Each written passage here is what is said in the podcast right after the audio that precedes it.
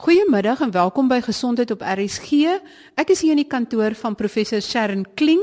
Sy is by die departement van pediatrie by die Universiteit van Stellenbosch en ons gesels vandag oor allergieë by kinders. Professor Kling, is allergieë en allergiese reaksies aan die toeneem in die bevolking en ook onder kinders? Ja, daar is 'n toename in allergiese toestande. Veral in die westerse lande lyk dit asof dit 'n plateau bereik het maar in ons omgewing het ons nog steeds 'n toename en ons sal sê dat allergie tussen 10 en 20% van die bevolking affekteer. In die verlede het ons gedink dit was baie seldsaam in die landelike gebiede, maar selfs daar sien ons 'n toename in allergiese probleme. Waaraan sou jy dit toeskryf? Waarom word mense meer allergies vir goeters?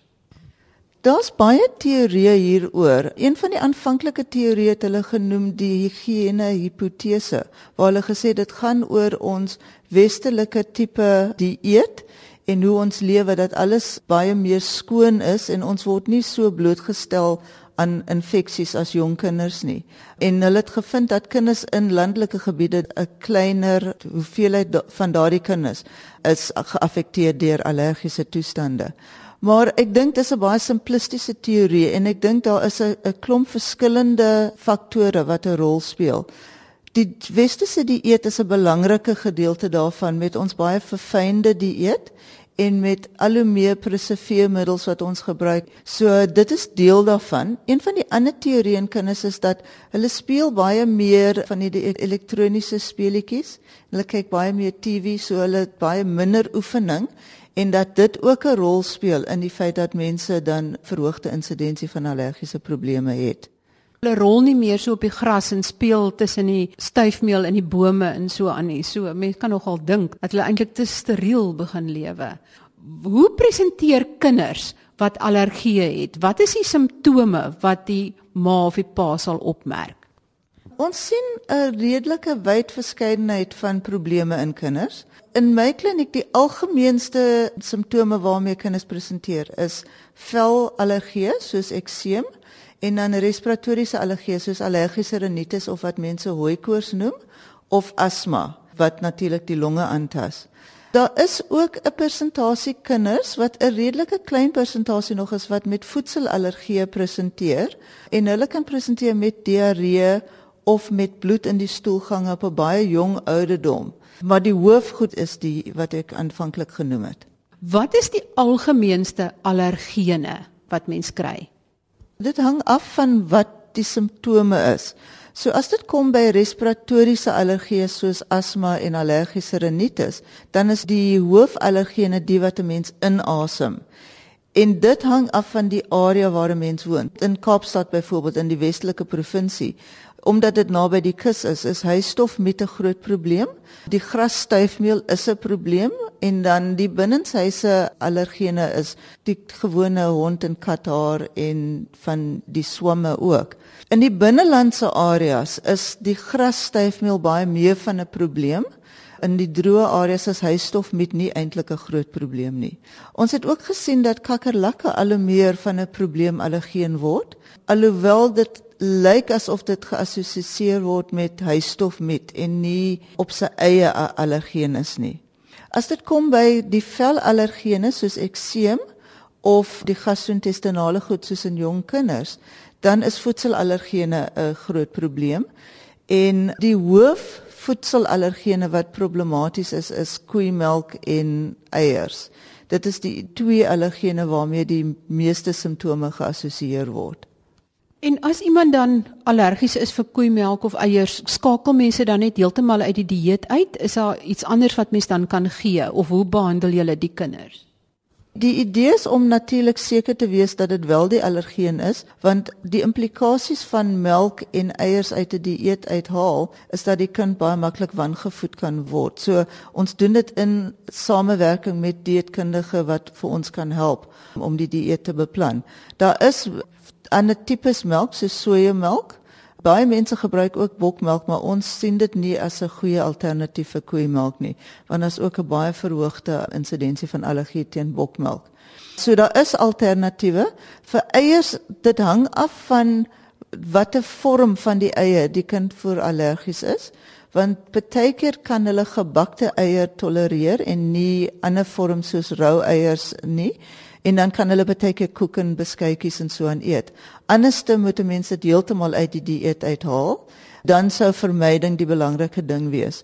Gewoonlik ongroei kinders koeimelkallergie so om en by die ouderdom van 3 jaar en eierallergie so om en by die ouderdom van 4 jaar.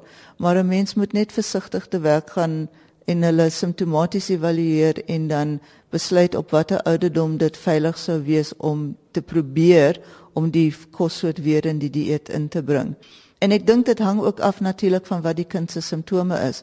As dit ekseem is, dan is dit nie 'n gevaarlike tipe reaksie nie, maar as dit 'n voedselallergie is wat tot anafilakse wat een van die lewensbedreigende allergiese toestande is, dan moet 'n mens baie versigtig te werk gaan om seker te maak dat dit vermy word.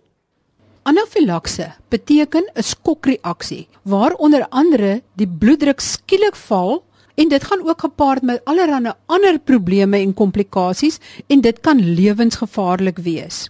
'n Onmiddellike inspuiting met adrenalien kan so 'n persoon in 'n anafilaktiese skokreaksie se lewe red.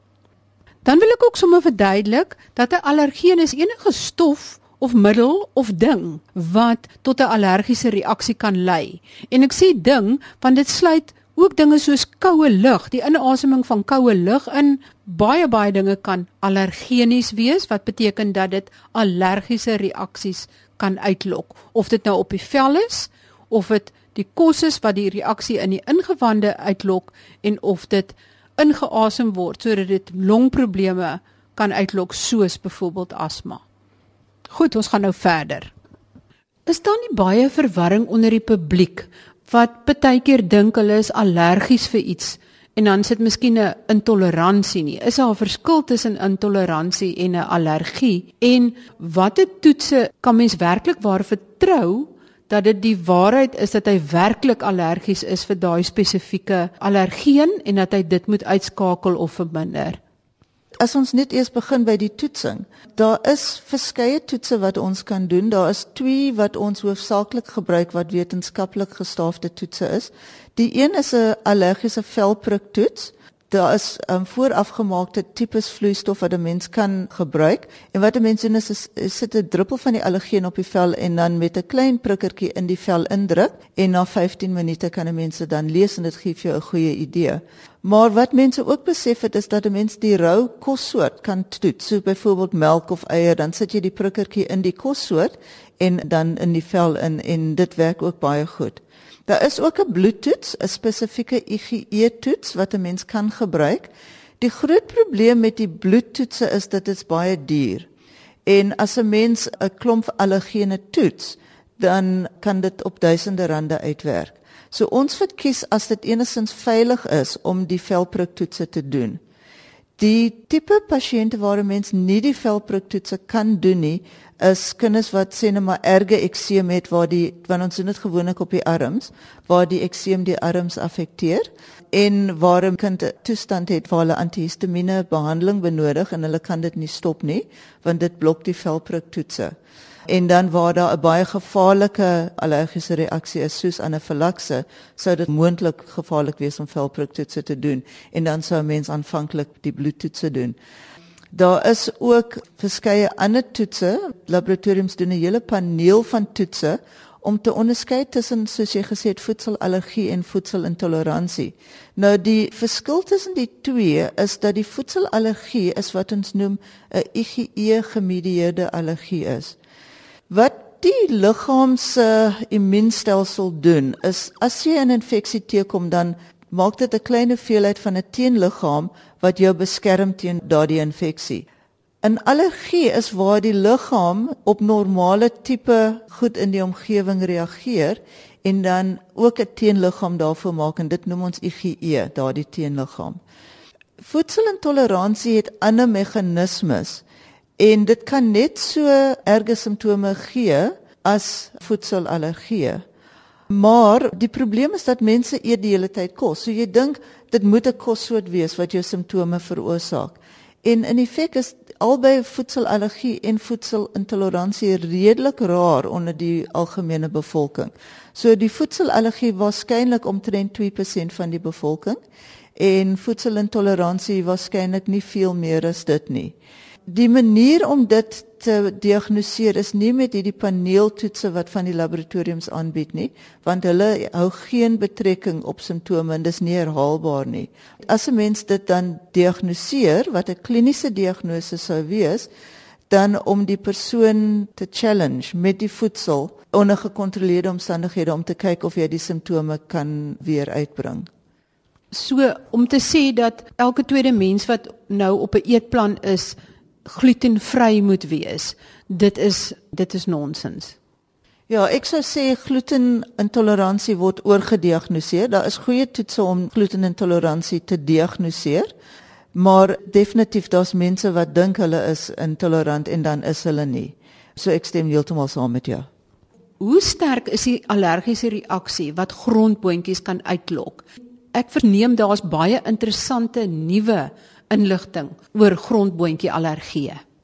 Grondboontjies is een van die allergene wat geassosieer word met hierdie erge reaksie of anafilakse wat lewensbedreigend kan wees. En elke jaar sterf 'n paar mense as gevolg van grondboontjie allergie. Ek dink in Suid-Afrika het ons nie op die oomblik so groot probleem daarmee nie, maar dit is aan die toeneem. In sekere westerse lande, veral in Engeland byvoorbeeld, het hulle in die laaste paar jaar gesien dat dit 4 maal um verhoogde insidensie het van grondboontjie En wat dit dan veroorsaak is dat mense wil hê dat ander kinders glad nie grondboontjie botter op hulle toebroodjie skool toe neem nie en grondboontjie skool toe neem nie want dan stel ander kinders in gevaar. So hierdie studie is in Engeland gedoen en die voorste outeur van die artikel wat gepubliseer is in die New England Journal of Medicine was eintlik um George de Toey wat sy pediatrie en allergie opleiding by Rooikruis Hospitaal in Kaapstad ontvang het. En hulle het 'n klomp kinders opgevolg oor 'n hele paar jaar en hulle het hulle in twee groepe verdeel. Hulle het aanvanklik gekyk net na kinders wat hoë risiko is vir allergiese toestande en dan die een groep het hulle van 4 maande oud vir hulle begin grondboontjies ingee en die ander kinders het hulle dit na 5 jaar ouderdom vertraag. En hulle het gevind dat in die kinders wat vroeg en gereeld grondboontjies geëet het, dat die insidensie van allergie teen grondboontjies baie baie laag was teenoor die ander groep kinders.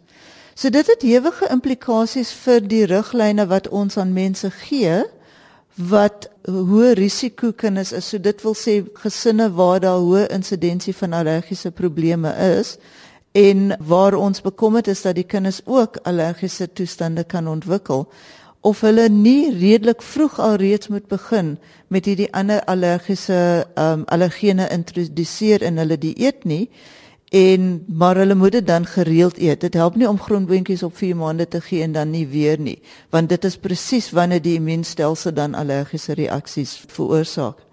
In Suid-Afrika het ons 'n redelike konflik omdat ons bekommerd is oor wanvoeding en ons huidige riglyne is eksklusiewe borsvoeding tot 6 maande en dan eers met vaste stowwe begin. So ek wil net beklemtoon dat hierdie riglyne dit op die oomblik is ons besig om die implikasies van hierdie studie te bespreek, maar dit is regtig baie belangrike inligting wat hier uitgekom het. Maar waar mense aan hoë risiko families behoort, moet 'n mens hulle pediater konsulteer ten opsigte van die raad wat 'n mens sou gee ten opsigte van die vaste stowwe en wanneer om dit in die dieet in te bring. Dis baie interessant. Met ander woorde, jy moet eintlik die kind sensitiseer van 'n jong ouderdom af. Dis nie eintlik sensitiseer nie. Wat ons eintlik sê is dat tussen 4 en 6 maande ouderdom is hier hierdie venster van immuuntoleransie. So wat ons eintlik sê is ons wil die kind tolerant maak. So in other in other words, ons wil die liggaam gewoond maak aan die allergeen sodat dit dan nie 'n erge reaksie of 'n allergiese reaksie veroorsaak nie. So sensitisasie verwys na waar jy um allergies is vir 'n 'n stof maar nie noodwendig simptomaties is nie. So die toets is positief maar jy het nie simptome nie, terwyl allergie is waar jy ook die simptome het. So hier word ons toleransie veroorsaak. En dit is dieselfde as immunoterapie waar 'n mens klein hoeveelhede van die allergeen introduseer in ons gebruik deesdae orale immunoterapie alhoewel ons nog steeds die inspuitbare een het waar mens met baie klein hoeveelhede begin en dit dan geleidelik opbou um oor 'n periode van 3 jaar waar 'n mens se immuunstelsel dan gewoond raak aan die allergeen en dan die simptome nie so hewig is nie. Jy het nou nog gepraat van hoë risiko families. Is dit oorerflik? Vind jy dit dat dit van ouers na kinders oorgedra word? Dit is oorerflik, maar dit is nie direkte oordrag in alle omstandighede nie. Daar's baie werk wat gedoen is op die genetika van allergie en daar's sekere bevolkings waar hulle baie maklik kon aandui dat 'n sekere geen betrokke was. Wat ons gewoonlik sê is dit hardloop in families. As albei ouers allergies is en hulle is allergies vir dieselfde stof, of en hulle dieselfde simptome dan het die kind tussen 'n 60 en 70% kans om daardie allergie te ontwikkel. So sê net maar beide ouers het asma, dan is daar baie goeie kans dat 'n kind asma sal ontwikkel. Dit beteken nie noodwendig dat alle asma allergies is nie. Dit beteken ook nie dat dit nie sekere geslagte kan oorspring nie. En dit beteken ook nie dat as 'n kind asma het dat die ouers noodwendig dit het nie maar andersom werk dit dat as ouers dit het, is daar verhoogde kans dat die kinders dit sal hê. Professor Kling, wat is die jongste in die behandeling van kinders met een of ander allergie? Byvoorbeeld dan ekseem of 'n velallergie, kosallergie en dan asma of hooikoors. Die beginsel van die behandeling van enige allergiese toestand sou wees om aanvanklik te kyk of 'n mens die allergeen kan identifiseer en dan dit vermy. En dit hang natuurlik af van die kind se omgewing. So as ons praat van byvoorbeeld ekseem, ekseem is 'n baie gekompliseerde toestand en dit is nie net allergie wat 'n rol speel nie, maar ook inflammasie in die vel self. As 'n mens duidelik identifiseer dat daar 'n voedselallergeen betrokke is, soos byvoorbeeld melk of eier of enige ander kossoort, dan sou die eerste ding wees om dit te probeer vermy met die hulp van 'n dieetkundige om die dieet te beplan. Dan die beginsels van behandeling van ekseem sou wees om die vel die hele tyd bevochtig te hou, so om sekere sepe te vermy wat die vel kan uitdroog en dan om smeermiddels te gebruik wat die vel die hele tyd bevochtig hou.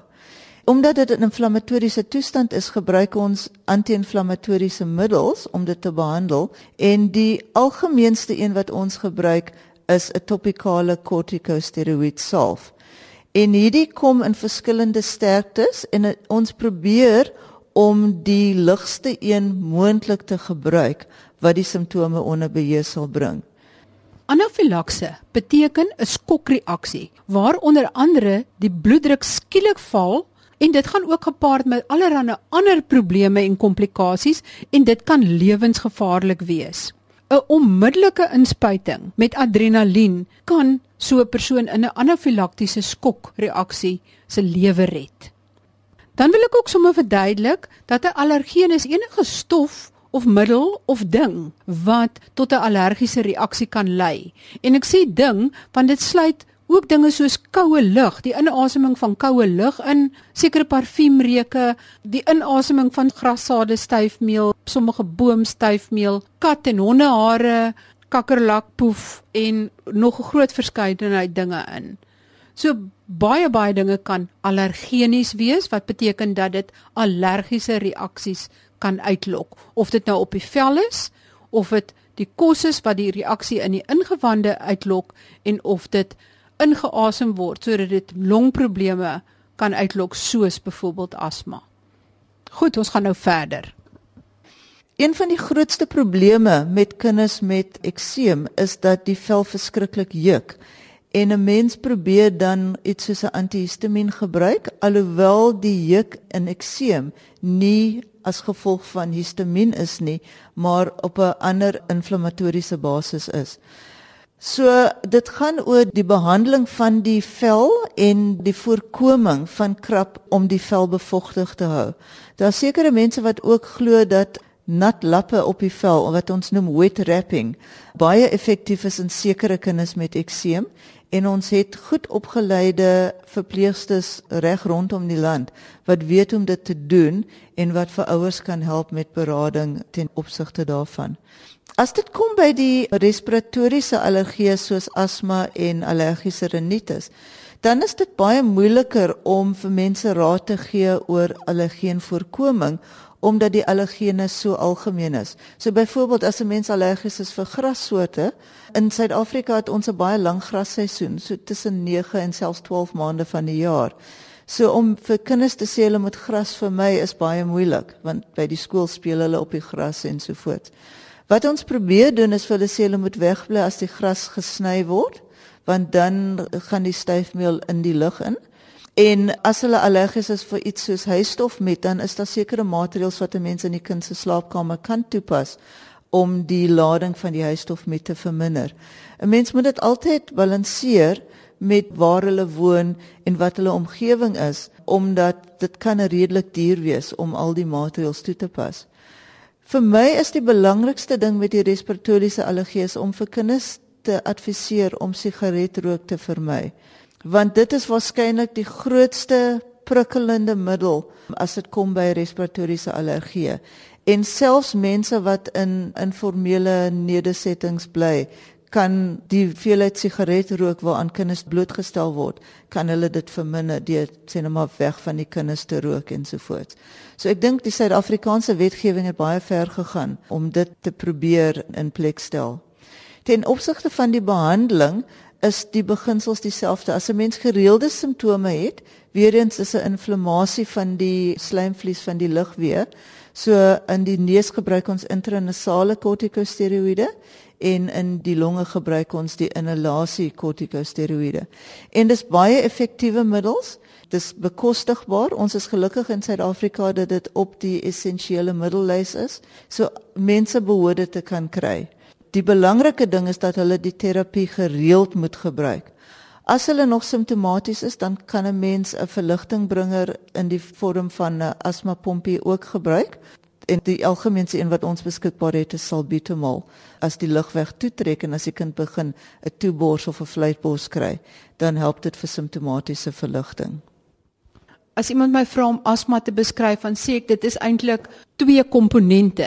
Die een van vuur en die een van die luislang. En die een van vuur is die inflammasie in die lugweë wat eintlik permanent daar is vir 'n asma leier daar moet hy elke dag sy kortison tipe pompie gebruik. En die luislang is die een wat die lugweë toedruk en daarvoor het jy weer die bronkodilator of die verligter nodig vir wanneer die luislang nou aktief is met ander woorde jy gebruik ook vir kinders eintlik twee pompies en as hy die een pompie gereeld elke dag gebruik dan wil jy eintlik probeer keer dat hy ooit die tweede pompie nodig het. Is dit hoe dit werk? Dis heeltemal reg, ja. So ons wil graag hê dat die kind die bronkodilator of die verligtingbringe pompie minder as 2 keer 'n week gebruik en dan sê ons sy asma is onder beheer. As hy dit meer as dit moet gebruik behalwe as dit voor oefening is, dan sê ons die asma beheer is sleg en of gebruik hy nie sy pompie nie of hy gebruik dit nie korrek nie of hy het 'n ander uh, hoër dosering nodig. Soos wat ek dit verstaan is oefenings geïndiseerde asma of asma wat jy kry net nadat jy begin oefen is eintlik 'n teken dat jou algemene asma beheer nie goed genoeg is nie. Is dit korrek? Dis heeltemal korrek. So as jy genoeg van die inhalasie kortisonpompie gebruik en jy gebruik hom korrek, dan behoort jy omtrent nooit asma simptome te kry selfs met oefening nie. Daar is egter omdat oefening, daar's verskillende goed soos die koue lug en die oefening self wat baie keer die lug weer laat toetrek. En dis hoekom ons vir mense aanraai as hulle oefeningsgeïnduseerde asma wel kry, dat hulle die verligting bringe voor die oefening kan gebruik. Hoe lank voor die oefening moet hulle dit gebruik as hulle nog steeds simptome kry as hulle oefen en met oefenings geïndiseerde asma tipies hoe lank nadat hulle begin oefen het begin die simptome te verskyn? Ons raai mense aan om dit so 15 minute voor die oefening te gebruik en gewoonlik begin hulle na so 15 tot 20 minute begin die simptome as gevolg van die oefenings geïnduseerde asma. So wat ons vir atlete aanraai is die atlete kan gewoonlik die kort afstande hardloop want dan is die afstand klaar voordat hulle die bronchospasma of die lugwegobstruksie kry. Daar is ook die toestand dat mense dit kan deurhardloop en dan word die lugweë dan nie meer so prikkelbaar nie. So die baie lang afstande kan mense ook saam met asma doen. So die belangrike boodskap is jy moenie ophou oefening doen as jy geneig is tot asma nie. Dit is verskriklik belangrik. Ek kry baie kinders in my buitepasiënte kliniek wat sê hulle wil hulle nie laat deelneem aan sekere atletiek byeenkomste of swem of so iets nie omdat hulle asma het nie en dis nie waar nie. Kinders moet aan oefening deelneem. Swem is 'n baie goeie oefening vir mense met asma en dit gaan ook oor die ontwikkeling van die spiere van die bolyf wat help met hulle asemhaling baie kinders moet dan eintlik leer hoe om hulle diafragma ook te gebruik en eintlik met hulle maag ook asem te haal. Kinders met asma kan baie mooi geleer word hoe om goed asem te haal as hulle begin fluitbos skryf want dan ontspan hulle en dikwels kan hulle 'n asma aanval afweer. So daar sou iemand soos 'n fisioterapeut kan help om hulle te adviseer hoe om hulle asemhalingsspiere te gebruik. Dink jy asma spesifiek word voldoende gediagnoseer en doeltreffend genoeg in Suid-Afrika behandel? Nee, dit word ondergediagnoseer. Mense is baie bang om asma te diagnoseer en dan sê hulle die pasiënt het bronkietis. En bronkietis is of 'n virus of 'n bakterieële infeksie van die lugweë. So die behandeling is dikwels dan antibiotika en die asma word dan baie swak behandel. So dis baie beter om vir mense te sê die kind het asma, of die volwassene het asma en hierdie is die behandeling en ons volg die pasiënt op. Ons het baie baie goeie behandeling deesdae wat baie veilig is. So dit is baie belangrik om die diagnose te maak. Ons het in Suid-Afrika toegang tot baie goeie behandeling selfs in die staatssektor en ek dink ons het van die beste behandeling beskikbaar in die staatssektor. So daar's geen rede hoekom asma nie beter behandel kan word nie. Kry julle nog onnodige sterftes omdat of die kind of die ouers hom misgis met die erns van die asma? Ja, ongelukkig is dit waar. Ons vind veral met ouer kinders en jong mense, jong volwassenes, hulle raak so gewoond aan wat ons sou ervaar as 'n baie toebors dat hulle eintlik heeltemal onbewus is dat daar 'n probleem is en dan gebeur iets wat hulle lugwegobstruksie erger maak en dan sterf hulle. Dit gaan ook oor dat hulle dink hulle is gesond en dis nie nodig om hulle pompie te gebruik nie. So ons sien nog steeds onnodige sterftes as gevolg van asma. Dan 'n heel laaste vraag. As 'n ouer 'n kind het, wat is tipiese tekens waarvoor hy moet uitkyk as hy vermoed sy kind het dalk asma? Die hoofsimptome van asma is 'n toebors of 'n fluitbors. Hoes is ook een van die simptome van asma maar ek is bietjie ligtig om 'n diagnose van asma te maak as die kind net hoes sonder enige fluitbors.